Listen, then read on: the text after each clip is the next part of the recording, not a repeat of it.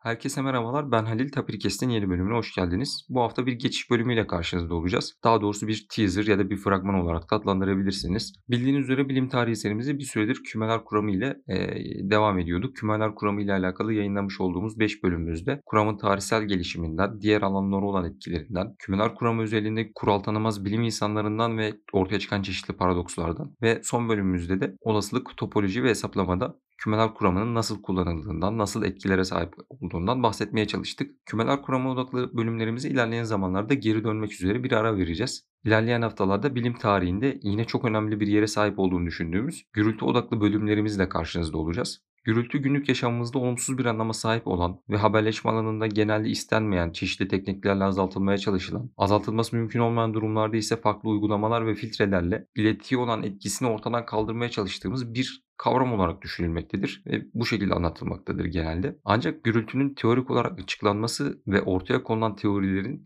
deneyler ile doğrulanması pek çok farklı alanda önemli gelişmelere yol açmıştır. Gürültü ile alakalı ortaya konulan çalışmalardan detaylı bir şekilde ilerleyen bölümlerde bahsedeceğiz. Ancak konuyla alakalı birkaç örnek vermemiz gerekirse atomların varlığının kanıtlanmasını, vakum tüplerini, transistörleri ve George Gamow odaklı bölümlerimizde Gamow'un kozmoloji alanında yapmış olduğu çalışmalar üzerine konuşurken Penzias ve Wilson'un da Nobel ödülü kazanılmasını sağlayan kozmik mikrodalga arka plan ışımasının keşfini örnek olarak gösterebiliriz.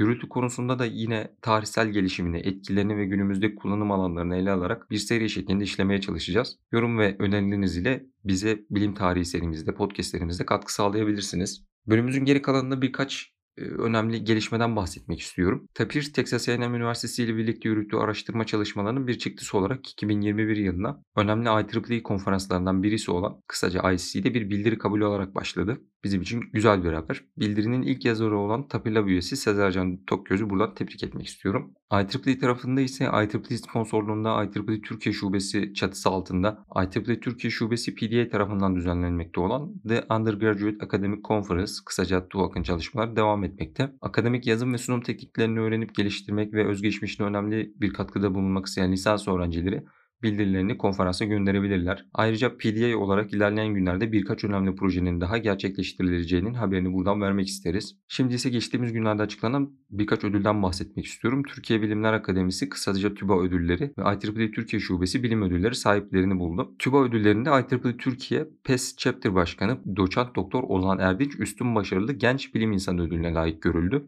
IEEE Türkiye Şubesi Bilim Ödülleri'nde ise ömür boyu başarı ödülü Ekmel Özbay'a, Üstün Hizmet Ödülü Esen Karaşan'a verildi. Ödüllerin tam listesini açıklama kısmındaki bağlantılardan erişebilirsiniz. İlerleyen günlerde yeni çalışmalar, projeler ve podcastlerle karşınızda olacağız. Herkese sağlıklı günler dileriz. Görüşmek üzere.